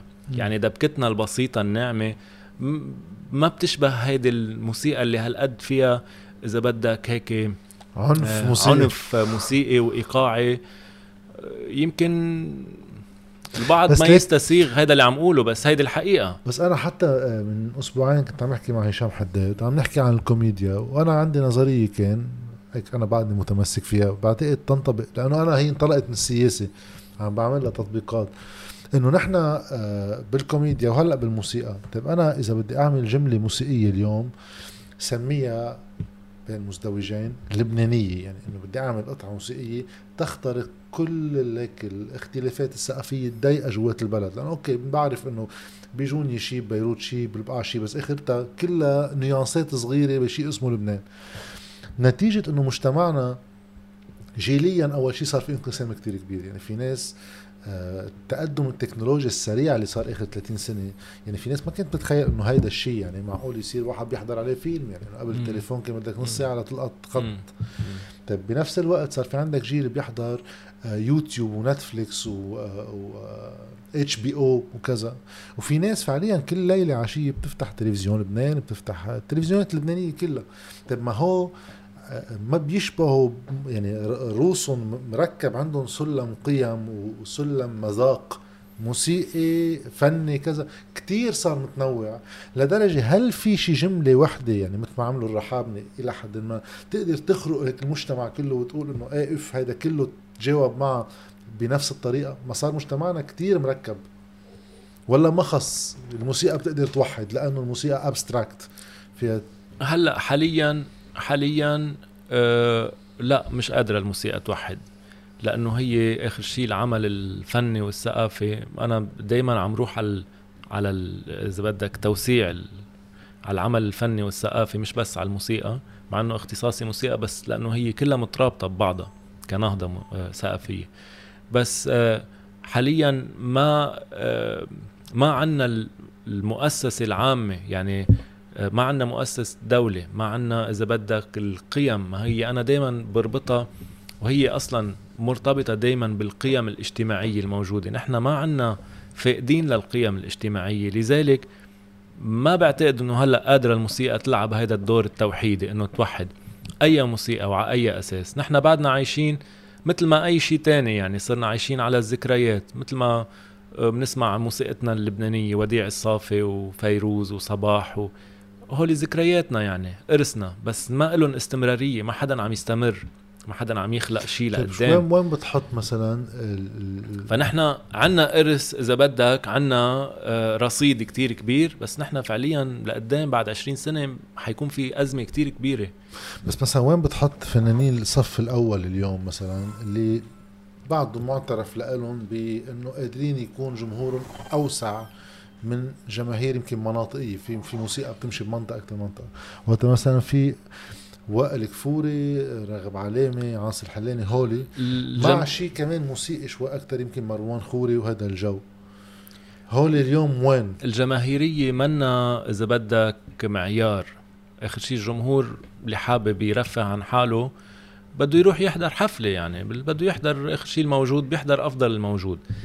المعيار الحقيقي هو استمرارية الأعمال الفنية اللي عم تنتجها وتأسيس لحالة فنية وثقافية تأسيس لثقافة لهوية. أنا ما بشوف من الأعمال اللي عم تنعمل اليوم في هوية فعلية عم تتأسس لشيء اسمه آه جار. آه 100% ما عم شوف. موسيقي واضح. ما في هوية. مثل ما انعمل على أيام ال- ما بدي ضل أقول رحبانة. اللي عملوا وديع الصافي هوية. في شيء في اسمه هويه لبنانيه فليفل وفي في قطع كتير يعني نحن عم نختصر طبعاً مشهد نحن- طويل هو 30 40 سنة يعني. طبعا في أسماء كتير كبيرة. آه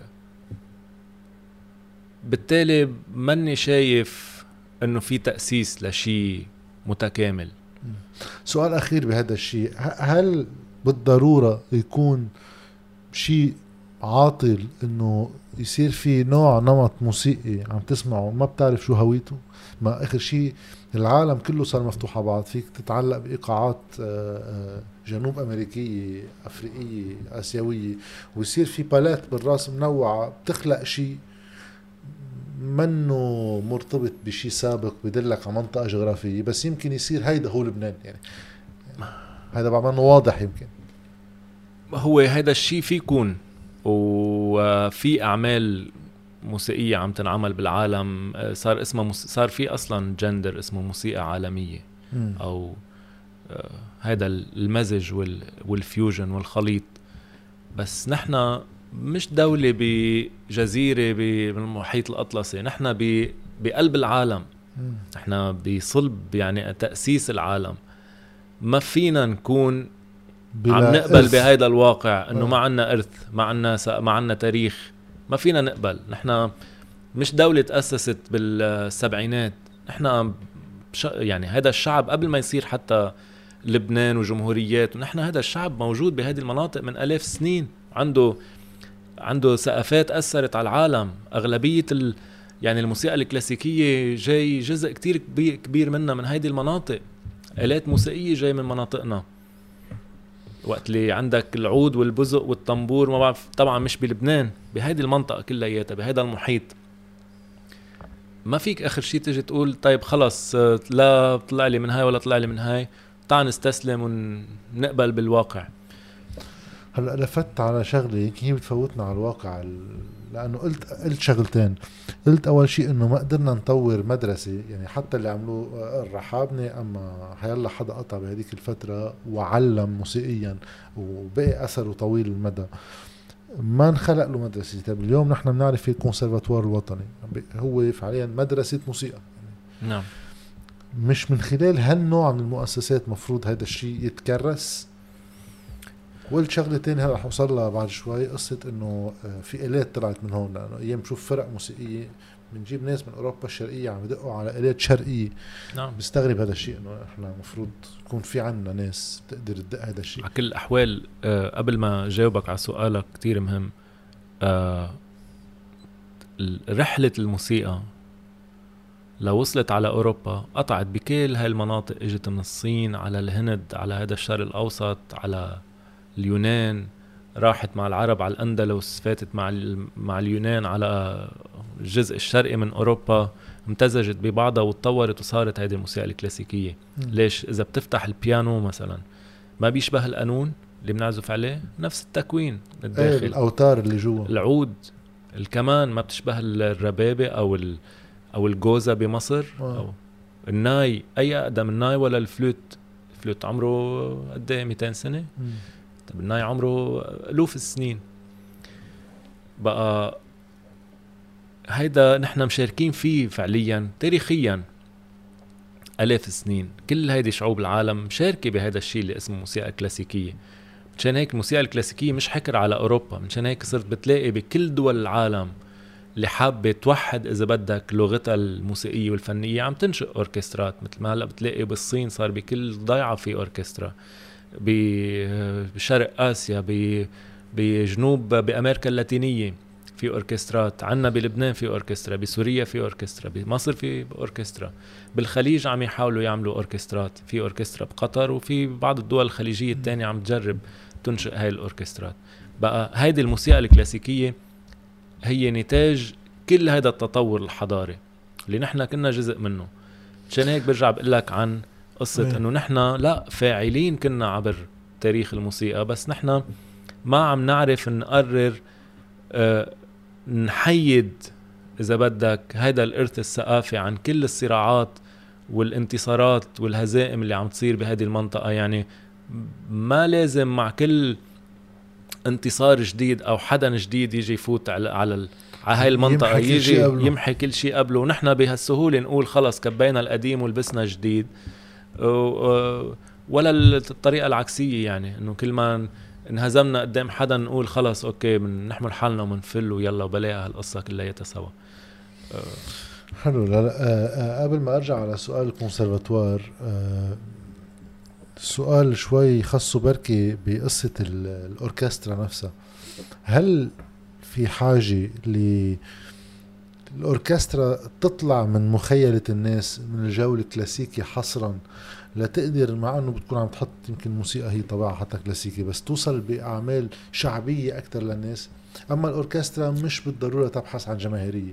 يعني آه لا أكيد الأوركسترا تبحث عن جماهيرية. اللي بيقول لك آه، في البعض إنه لا لازم تكون نخبوية. للنخبة. أنا ضد إنه تكون هذه الأعمال الموسيقية للنخبة. أنا مع تشريحها وتشريعها لعامه الشعب وأنا مستعد أعمل حفلة بأكثر المناطق شعبية ومع أكثر البرامج آه، إذا بدك وصولا لل... للمستمعين. في في بالأوركسترا مشكلة بنيوية مع هالشيء إنه مكلفة لأنه أنتم ما نكون يعني منا فرقة صغيرة بتيجي بت يعني آه، الكلفة تبعها يمكن بتخلي صعوبة انتشارها. صحيح بس نحن بلبنان إذا بدك ال- الأوركسترا ال- إذا بدك من الأسهل الحصول عليها بين آه، دول باقية. نحن الأوركسترا حفلاتنا مجانية آه، ومفتوحة لكل الناس. أوف. آه، وهذا اللي كنت دائما بكل حفلة وبعتقد عمل تأثير لأنه تغير كتير إذا بدك فات جيل جديد وكتير بنبسط بهالشي على ال على الأوركسترا على جمهور الأوركسترا. الأوركسترا بتقدر يعني أكيد مش أي معزوفة بس بتقدر تروح على أغاني شعبية وتنعزف بطريقة أوركسترالية؟ بدي جاوبك على آه على باطن السؤال بطريقة أخرى إنه أي بني آدم قادر عنده وصول لهذا النوع من الموسيقى بي- بيواجه الأوركسترا آه قادر يسمعها ويفهمها. وما في إنسان بيحضر الأوركسترا عم تعزف live إلا ما بيرجع مرة تانية. أنا على كل آه. حال هون بس بدي كمان بين مزدوجين إنه آه، في واحد بده يشكر ال- ال- الخالق يعني على نعمة الموسيقى الحية. ال- ال- لأن إلنا سنتين قعدنا بكورونا وبالبيوت وإذا بنسمع موسيقى بنسمعهم يا على راديو يا على كذا. أنا عم بحضر ال- الكونسير اللي قمتوا فيه. آه، في شعور ما بيتفسر مختلف في اختلاف الموسيقى الحية فيها حياة. صح. اسمها حية. صح. صح. وخاصة الأعمال الأوركسترالية لأنه قريبة من الجمهور وفيها تفاعل مع مع الجمهور. الجمهور أساسي منها. يعني طريقة أنا بكون دا بارم ظهري للعالم بس صدقني إنه بعرف كيف رح تكمل هاي الحفلة من خلال إحساسي بهذا الجمهور اللي وراي. قد إيه الطاقة اللي بتكون موجودة. موجودة. إيه. أيام تطلع حفلة بتجنن بتاخد العقل بيكون الجمهور بيجنن. أيام تطلع حفلة نية ما بقدر ما بعرف ليه ما عم يطلع الشغل مثل ما لازم. مم. الجمهور جزء كتير أساسي من هذا العمل. أساسا بدي أسألك في واحد من الفيديوهات اللي لإلك في حالة اندماج يعني بتحس لإلك يعني للحظة آه، مش قصة رح تبكي ولا رح في شيء في حالة هيك كتير مم.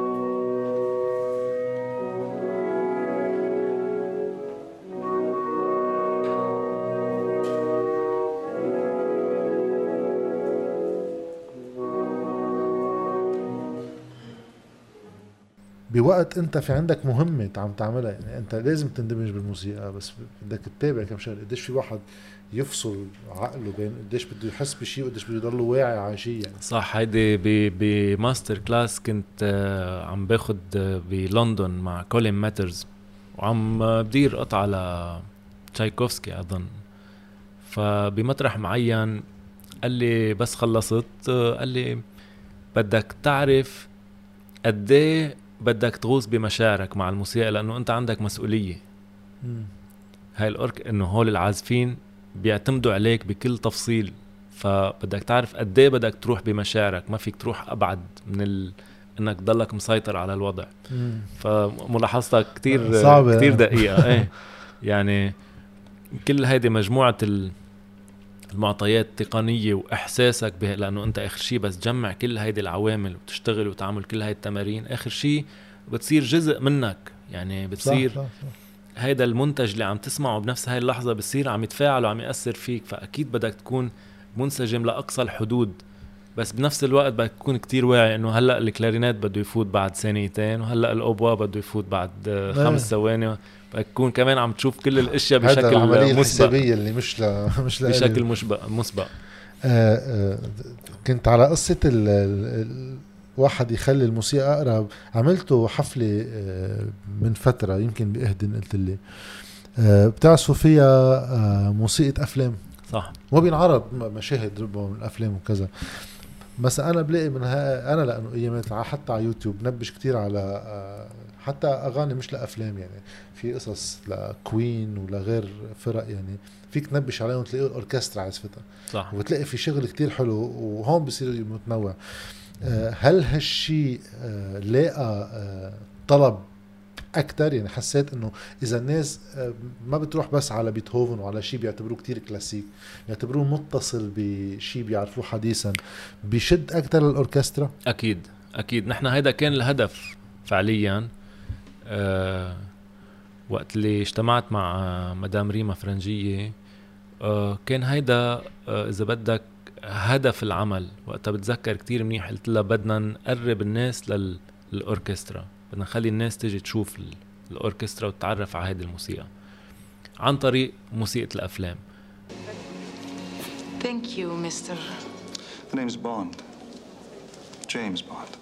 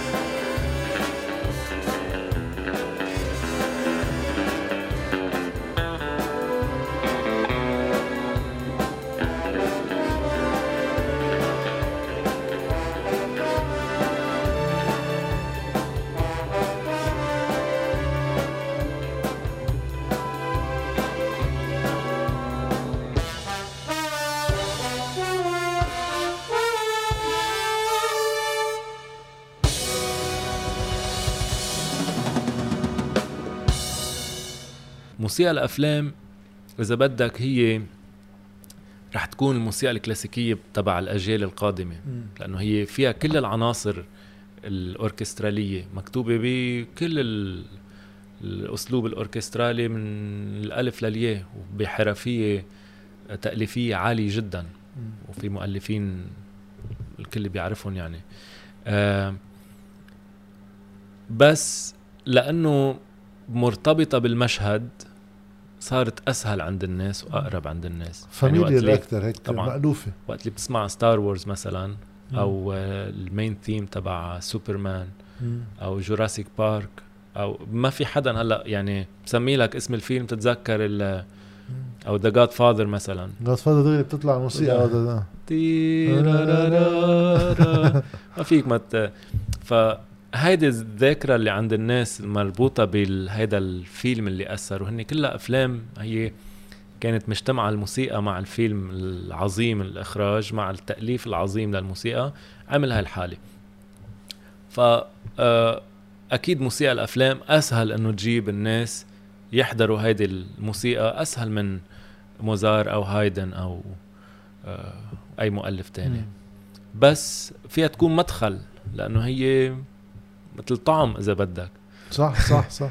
إنه نقدم لهم موسيقى أفلام وبعدين بصيروا بيجوا بيحضروا الأشياء الباقية بيتعرفوا. صح. بس طعم آه، آه، إيجابي حميد أنا يعني. أنا بحس بكل شيء آه، في حاجة يعني الإنسان عدو ما يجهل في حاجة لشيء طعمه مألوفة ومن هونيك بندوق غير قصص.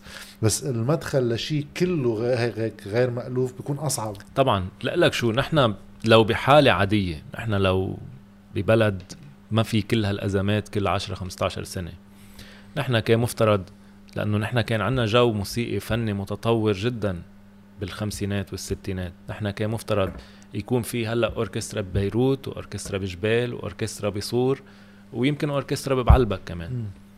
كان ممكن نوصل لهذا الشيء لو في هذا الاستقرار مؤسسات منفصلة كل واحد مؤسسات. منفصلة وعم تقدم أعمال وكنت بتشوف إنه محل ما ينزلوا الشباب آه، ما بعرف آه، يأرجلوا على مش عم بنتقد حدا على كورنيش منارة. يمكن كنت بتروح بتلاقيهم عم يشربوا فنجان قهوة قبل ما تبلش الأوبرا بدار الأوبرا اللي كان مفترض ينعمل بمطرح معين من من من مدينة بيروت.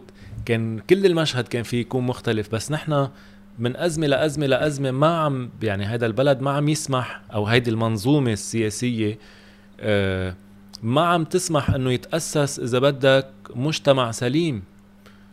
ومنشان هيك يعني أنتوا الأوركسترا الوحيدة هلا بالبلد الأوركسترا الوحيدة. ما في غيرها. الأوركسترا الوحيدة اللي إجت بظرف آه، استقرار معين وفي خوف كتير كبير عليها هاي الأيام بظل هذا الانهيار الغير مسبوق الحاصل. سياسيا واجتماعيا واقتصاديا والموضوع الاقتصادي بيأثر كتير لأنه نحن عنا لبنانيين وعنا عازفين أجانب والعازف الموسيقي يعني اخر شي بده يدبر حاله ويروح يعيش بمكان فيه شو حياة تنظيم كريمة. الأوركسترا؟ أنتوا اليوم الأوركسترا والمعهد ال- ال- شو شو شو العلاقة وتابعين ال- الدولة؟ ال- طبعا المعهد الموسيقي هو مؤسسة رسمية والأوركسترا جزء من المعهد الموسيقي. Okay. يعني الأوركسترا تابعة للمعهد يعني الموسيقي. العازفين الأوركسترا هن موظفين. موظفين. عندهم معاش. بيقبضوا معاشاتهم okay. يعني. هلا هيدا واحدة من الأسباب إنه المعاش هيدا شو صارت قيمته. يعني خصوصا اليوم اللي في واحد يترك هيدا الشيء اللي عم يعمله بالفرقة بال- بالأوركسترا ويروح على night club يدق فيه إذا تيقدر يعيش. صح. أو في فيلم من البلد أو يعني. بيحمل حاله بفل. أو بيحمل حاله بفل. يعني في عدد لا بأس فيه من الموسيقيين اللي قادرين يروحوا يلاقوا شغل بأي دولة تانية. طيب ال- آه، آه، اس- استعاضة عن آه، عازف بعازف سهلة؟ لأنه اليوم إذا هلأ بهالظروف شبه مستحيلة. ليش؟ بهالظروف شبه لأنك ما قادر منين بدك تجيب؟ مين بده يجي يشتغل عندك بمعاش ما بيكفيك حق ticket طيارة one way. على الدولار و... وهذا أنا لك أنا في خبرية ما يعني يعني ما كانت تفوت براسي ولا بأي شكل. أه وما خاصة بالقيمة تبع يعني القيمة المعرفية للناس يعني. بس وقتها بسمع إنه مدير المعهد هلأ بالإنابة يمكن. ليش بالإنابة؟ لأنه ما تعين حدا، ليش ما تعين حدا؟ قال لأن ما تلاقى حدا أرثوذكس. آه، آه، بعرف البلد كله طوايف وكله تعينت كذا بس على الموسيقى بترنغر على الدينة إنه مش مش منطق. يعني في شيء ما خصه بقى بأي أول شيء راح يقدم راح يأخر. يعني إن شاء الله- هيدي ان شاء الله الارثوذكس بيطلع لهم كل المناصب ما هيدا قصدي. بس خيال. ثاقبت أرثوذكس. كان في يكون سني كان في يكون شيعي. إيه إيه هلا بحالتنا عم نحكي بس بس هيدي- هيدي فيها تكون حيالله طائفه ثانية هيدي كارثة. هيدي كارثة بالموسيقى. لأنه أنت يعني ما فيها الرفاهية إنه كل طائفة عندها عشرة آلاف موسيقي لتقعد تنقي من بيناتهم. يعني الموسيقيين آه. أصلا قلال وتجي تقسمهم على أساس طائفة ومذهبي كارثة يعني. يعني بيطلع لكل طائفة هاي بيطلع لها عشرة هاي بيطلع لها اثنين هاي بيطلع لها واحد هاي بيطلع لها ثلاثة هالقد المعيار ضيق. وهيدا على فكرة هيدا عرف حديث منه منه شيء قديم. عرف حديث طبعا عرف حديث آه، مرتبط بأوضاع آه، سياسية معينة. أنا بدعي أي حدا له تأثير بالموضوع السياسي على هيدي المؤسسة اللي اسمها المعهد الموسيقى. اتركوا الموسيقى بحالها اتركوا الفنون بحالها. نحن مندبر وضعنا بدون أي تدخل سياسي بس اتركوا الموسيقى والفنون بحالها دخيلكم.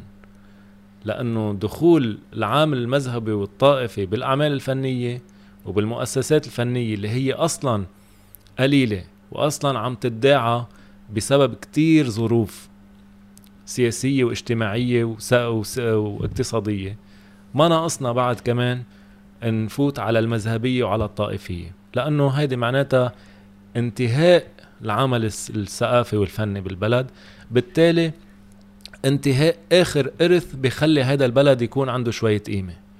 لأنه تاريخيا وفعليا إذا هذا البلد عمل شوية اسم عمل شوية شهرة بالعالم عمل هيك لمع نجمه بالعالم هو من وراء الإرث الثقافي والفني اللي كان موجود بهذا البلد. مش من وراء أي شيء تاني. لا نحن بنصنع طيارات ولا بنصنع أحلى سيارات ولا بنعمل لمبات ولا آه ولا ما بعرف شو. نحن إرثنا وإنتاجنا الحقيقي كان فني. حتى بموجة ما بعد الحرب اللي تعتبر إذا بدك كانت موجة شعبية بالإنتاج الفني. حتى بهيدي كنا كمان آه، سباقين و... وعملنا شهرة على صعيد العالم العربي إنه لبنان كان مركز الأعمال الفنية والإنتاج الفني. لا لا طبيعي بعدين بعدين. لازم ننترك بحالنا بعيد عن هذه الاصطفافات يعني المذهبية إذا بالبلد. واحد بيحمل حاله اليوم بيروح على أي دولة عربية خلينا نقول بالحد الأدنى عربية مع إنه حتى في واحد يبعد أكثر يعني. بتروح على اليمن بتروح على عمان بتروح على شو بعرفني وين ما كان الصومال حيلا محل. طيب بتيجي بتسأل آه، مين محمد أباني مثلا؟ أكيد ما راح يعرفوا. أم أي محمد أباني آخر يعني مش هو بشخصه يعني. بس إنه بيعرفوا وديع الصافي وبيعرفوا فيروز وبيعرفوا كتير من الفنانين حتى الراهنين اليوم. إذا في شيء آه، تكت عبور للبنان كبلد صغير بهالعالم كان شيء أساسي في الفن تحديدا عم نحكي موسيقى وفن هو كل الفنون بس هيدا الفن بالتحديد كان أكثر محلاتنا اللي ساهمت بانتشار اسم البلد بالشكل اللي إحنا بنعرفه.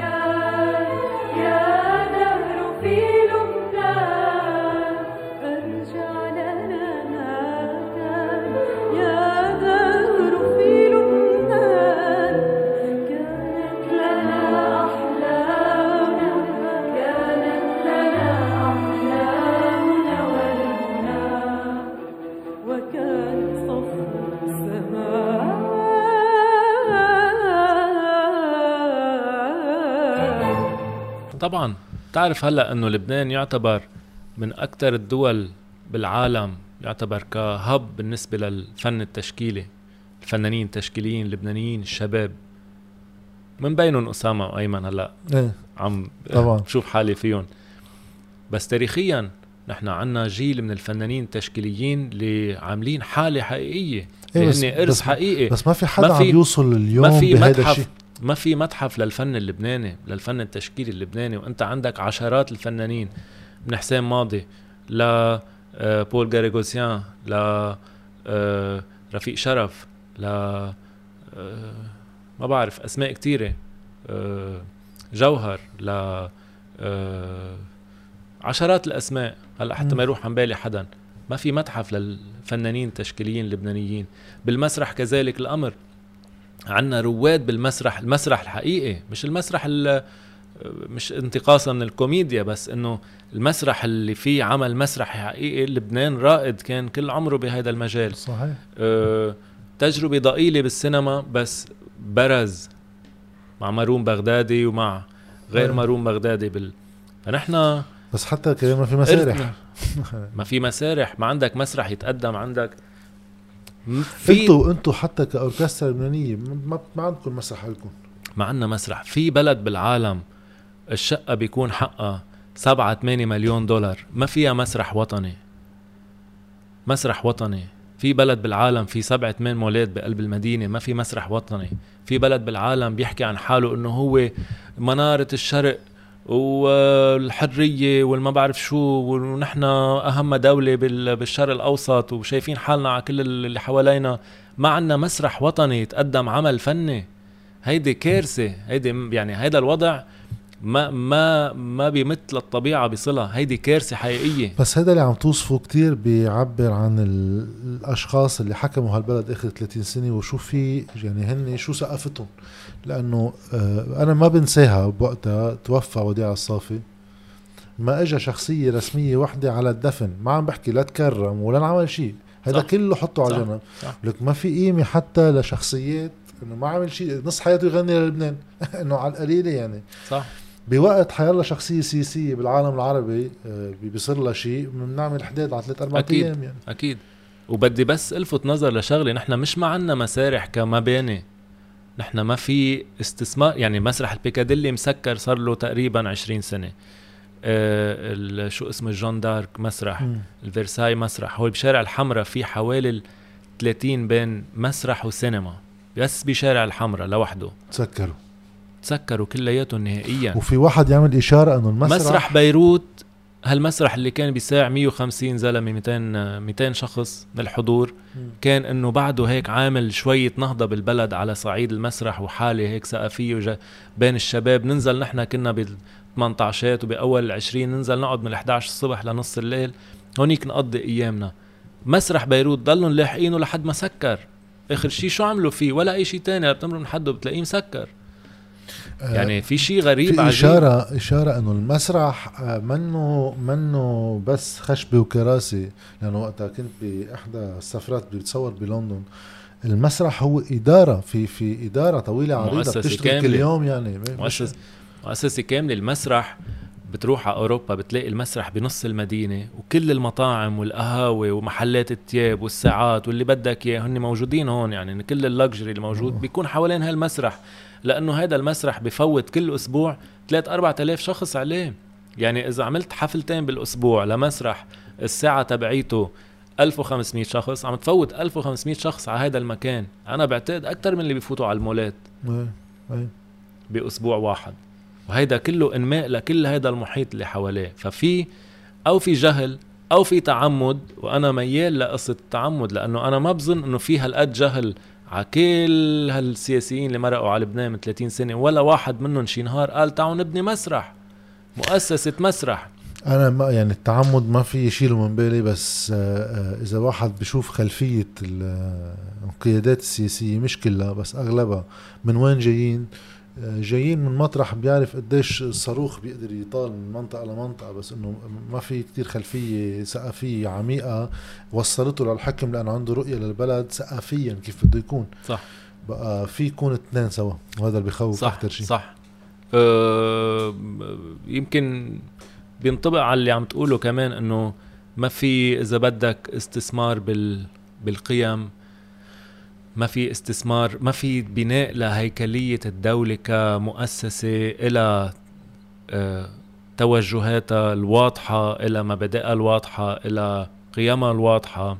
آه، آه، في إيمان حقيقي بالشباب ال- المنتج المثقف المتعلم. مش بس إنه عنا أنا عندي 2000 وأنت عندك 3000 وأنا عندي 5000 وبنزل هو ضد هو وبحركهم ب آه. مساج على الجروب الواتساب ويعني ما بعرف بس اليوم اذا واحد بده يختم واحد بده يقول إنه ما المشكلة إنه ما بدي يقول بال- بعالم مثالي لا بالحياة اللي لازم واحد يسعى لها شو المتطلبات ل آه، ينمى شوي العمل الموسيقي الفني بالأوركسترا وبشكل عام بالبلد لأنه كنت عم تحكي لي يمكن تحت الهواء إنه حتى في نقص بالعازفين المحترفين بلبنان كبير. على الرغم إنه أنا بشوف في أعداد كتير بيتعلموا بالكونسرفاتوار وكذا بشوف العدد. واحد ما بقول مش معقول يكون في نقص. طبعا في العدد التلاميذ بالمعهد الموسيقي حوالي ال 5000 تلميذ على صعيد كل لبنان. هلأ ال- الموضوع هون آه في تعقيدات مختلفة. أول شيء اجتماعيا يعني التعقيد المجتمعي ونظرة المجتمع للموسيقى وهل هي الموسيقى فيها تتحول لمهنة بالحياة اجتماعيا في هيدا آه، النقص بالمعرفة. إنه نعم الموسيقى هي مهنة هي بتعيش وبتعيش بكرامة وأحسن من أي مهنة مش من, أي مهنة بس من تعتبر من ال ال ال ال المهن المرتبة يعني اللي أنت فيك تعيش منها بشكل كريم يعني. آه هذا الجزء الأول. الجزء الثاني كمأسسة للتدريس الموسيقي آه ما في أول شيء يكون محصور فقط بال بالمعهد الموسيقي. لازم يفوت على صعيد المدارس ولازم يكون في بالمدارس مثل بكل أوروبا. مثل ما في اختصاصات اجتماع واقتصاد وأدب وما اعرف شو لازم يصير في اختصاص الموسيقى. هذا بخلي إنه بالمدرسة يعني بالسكسيونات بال بال- بالمدارس يعني- العادية يعني. أي. المدارس ال- أنا كان عندنا صف يكون music يعني إيه. بس كان شيء كتير بدائي. إيه. يعني لازم يكون في قناعة آه و قناعة تربوية إنه الموسيقى لازم تصير جزء من من المجتمع تعليمها لازم يصير مش بس ك hobby و activity للولاد. حتى عند الأهل لازم يتحول هيدا المفهوم الخاطئ. إنه الموسيقى مش بس اكتيفيتي وتلهي للولاد إنه بناخدهم ساعتين موسيقى بيعملوا بالجمعة وهيك و بيتسلوا وبكرة بيطلع محامي أو بكرة بيطلع مهندس أو عندنا فائض من المحامين من المهندسين من الأطباء. نحن ناقصنا فنانين وموسيقيين وقادرين يشتغلوا قادرين يطلعوا مصاري وقادرين يعيشوا فعلا حياة مرفهة. إذا هن عم يشتغلوا على مستوى مرتب. فهيدا جزء. هلأ في جزء تاني يمكن خاصه بال المعهد الموسيقي وكيفية التعليم بالمعهد الموسيقي بس هيدي مرتبطة بالأشياء الباقية كمان. لأنه وقت اللي أنت آه، الولد عنده مدرسة بيخلص مدرسته الساعة 3 أو 4 بعد الظهر وعنده ما بعرف شو ارتباطات تاني وأكتيفيتي وما بعرف شو وبدك تجيبه من الخمسة للستة ليعمل حصة موسيقى بالمعهد ويروح على البيت ما عنده وقت يتمرن لأنه عنده كل فروض المدارس المدرسية. صح. آه مخالص وامتحانات ما حيقدر حتى لو بده يتعلم موسيقى ما حيقدر يتعلم موسيقى. الموسيقى بدها تفرغ. وبس يصير في تفرغ بتصير قادر تخرج أجيال موسيقية. نحن عنا عدد كتير كبير من التلاميذ بس المتخرجين الموسيقيين المحترفين عم يكون كتير قليل. قليل جدا. يعني نحن في بعض الآلات ما عنا إياها نهائيا ما حدا بيعزف عليها. في بعض الآلات في نقص كتير كبير. مثلا آلة التشيلو إذا أنا هلأ بدي أجيب أعمل فرقة فقط من اللبنانيين بدي آلة تشيلو يمكن لاقي ثلاثة بالحد الأقصى بلاقي أربعة موسيقيين محترفين. إذا في اثنين منهم مرتبطين مع فنان تاني بحفلة تانية بكون عندي بس اثنين. هيدي بالنسبة لبلد مثل لبنان في هلا معقول يهاجروا. يعني شو أربع أشخاص معقول يهاجروا. في. منهم كتير عم يهاجروا عم بحكي ك كموسيقيين محترفين قادرين يأدوا أي عمل موسيقي بينحط قدامهم أه هيدي أزمة بالنسبة لبلد مثل لبنان وممكن يعني نحن في آلات على طريق الانحدار آه، على طريقة ال- الانقراض آه، مثل؟ مثل التشيلو مثل الكونترباس مثل الفيولا آه، في مشكلة. مشكلة من بعدة عناصر. منا اجتماعية منا فهم الأهل لهذا الموضوع. الأهل لازم يقتنعوا إنه إيه بحط ابني يدرس موسيقى إذا عنده موهبة طبعا وبيعمل منها مستقبل. هينا عاملين مستقبل عملنا مستقبل طبعا البلد يعني طعمانا كف آه، ما بي ما بيفهم يعني. بس. إنه مش لحالكم. بس إنه عملنا مستقبل وأسسنا حالنا وعايشين صح. بكل كرامة يعني. من. فقط من الموسيقى. أنا لا درست لا اقتصاد ولا nutrition ولا طب ولا أي ولا محاماة. درست فقط موسيقى بالحياة. وعم أعيش منها. ماشي حالك تمام. وبرمت العالم من وراء الموسيقى وشفت كل دول العالم وتعرفت على كل ثقافات العالم وتعلمت لغات جديدة. من وراء الموسيقى. فأنا بشجع الأهل إنه اللي بيلاقي عند ابنه عنده موهبة بالموسيقى موهبة منيحة يخلي ابنه يعمل full time موسيقى بالحياة. ما يحرمه من هيدا ال... من هيدا ال... إذا بدك ال... اللي اللي اللي الله إياه ما حدا يحرم اولاده من هذا الشيء. آه، كرمال آه، يحطوا بضمن category الوظائف الأساسية أو الأولى اللي بتصور صارت اجتماعياً. صارت بوضع البلد يعني. over saturated صح بس بالآخر كأنه في حاجة لابد من تدخل الدولي بالموضوع آه، لابد إنه يكون والأوركسترا أكيد ومسارح يعني حد أدنى من بنية تحتية لأي فن يقدر يقوم بالبلد يعني. أكيد أكيد هلأ في كتير من الشباب الموهوبين بلبنان بكل أنواع الفنون اللي عندهم شغف إنه يعملوا أعمال. ما في مكان ينفذوا أعمالهم عليه. هذه أزمة. نحن الأوركسترا الفيلارمونية اللبنانية مع الشكر الخالص لكنيسة مار يوسف بالجميزة بس نحن ما فينا نقضي حياتنا عم نعزف بقلب كنيسة ما عنا مسرح لإلنا. نحن كل ما نطلع على المسرح بدنا نجي نحط المسرح ونركب خشب ونجيب الآلات ونفوتهم ونحط الكراسي ونحط stand ات. وبس تخلص حفلة بدنا نفك كل شيء نرجع. ونظهرهم نحملهم نحطهم بكاميون وناخذهم مدري وين. يعني هذا الوضع ما بيصير مثل المهجرين إيه. آلاتنا بضلهم شيء هون شيء هون شيء بنحطه بالكاميون بال parking شيء بال... العار اللي عم عم, توصف شغلة إنه عاده عادة بالدول اللي بنسافر عليها يعني كسواح أما كزيارات يعني الأوركسترا هو موضع مفخرة وطنية يعني هيدا. بيكون هيك ال- المحل كتير مرفه يعني إنه تروح عليه هيدي وقت يكون في بلد إذا كانت ملكية مثل مره رحنا على هولندا كان في مثل عيد استقلال. بتجي أوركسترا ملكية يعني بهيدي طبعاً. الرفعة يعني. طبعا. واحد يكون عم بيعامل أوركسترا عندنا هون بالبلد كأنه واحد مهجر من منطقة لمنطقة وما عندها مسرح وكذا. آه، أنا عندي رأي خاص هون إنه عندنا مشكل بالبلد بكيفية فهم الحياة شو هي. خاصة بالسياسة. طبعا إنه نحن شغلتنا نعمل معارك فقط للبقاء على قيد الحياة. طبعا.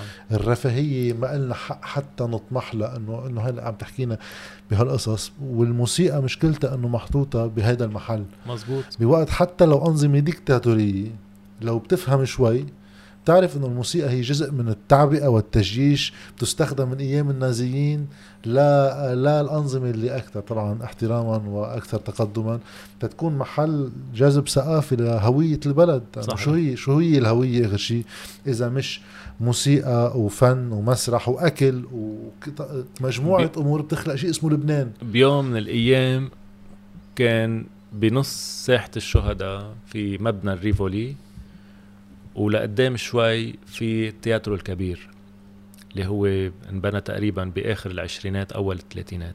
هيدا مسرح وهيدي سينما.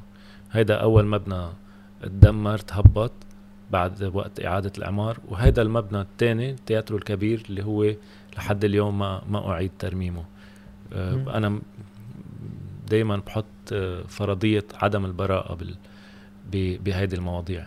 آه، كنت بفيينا آه، وقت اللي كنت آه، ساكن بفيينا كنت بالأوبرا آه، فت بحديث مع شخص هونيك يعني قاعد حدي عم نحضر أوبرا. سألني من وين قلت له من لبنان قال لي عندكم أوركسترا فيلارمونيه قلت له عنا أوركسترا. قال لي آه شو بيصنع بلد؟ شو اللي هو بي بيكون بلد؟ قال لي شركة طيران ودار أوبرا هو هن اللي بيخلوا البلد سكت. أنا ما حبيت أقول له إنه ما عنا ما عنا دار أوبرا. أنا كثير بدي أشكرك آه، لبنان معلبكي آه، وإن شاء الله هيدا الصوت ي- ي- يضل مرتفع لواحد يقدر يفوت هيدا الهم. مش كشيء آه، ما لنا حق نطمح له. لأنه اخرتها ال- المنطلق هو من الهوية يمكن لواحد ينتمي لمحل بس بالآخر في رفاهية الحياة اللي هول برمة بتبرم على حالها. إذا شروط هيدا مش مأمن في واحد يبقى على قيد الحياة يعني بس ما بيكون عم بيعيش بتصور. صح صح. نحن الفنانين والمثقفين بهذا البلد رغم إنه عم بيقلوا وعم يهاجروا وعم يتخلوا عن كتير قصص من شان الأمور المعيشية هول الأشخاص عم يجاهدوا وعم يناضلوا لإبقاء هوية وثقافة ولون لهيدا البلد ولهيدا المجتمع. بس إذا ما كان في تدخل أساسي لمؤسسة الدولة لإعادة صناعة البنية التحتية الثقافية والفنية بالبلد على كل هذا البلد آه، سلام برأيي أنا. إن شاء الله لا. بشكرك من جديد.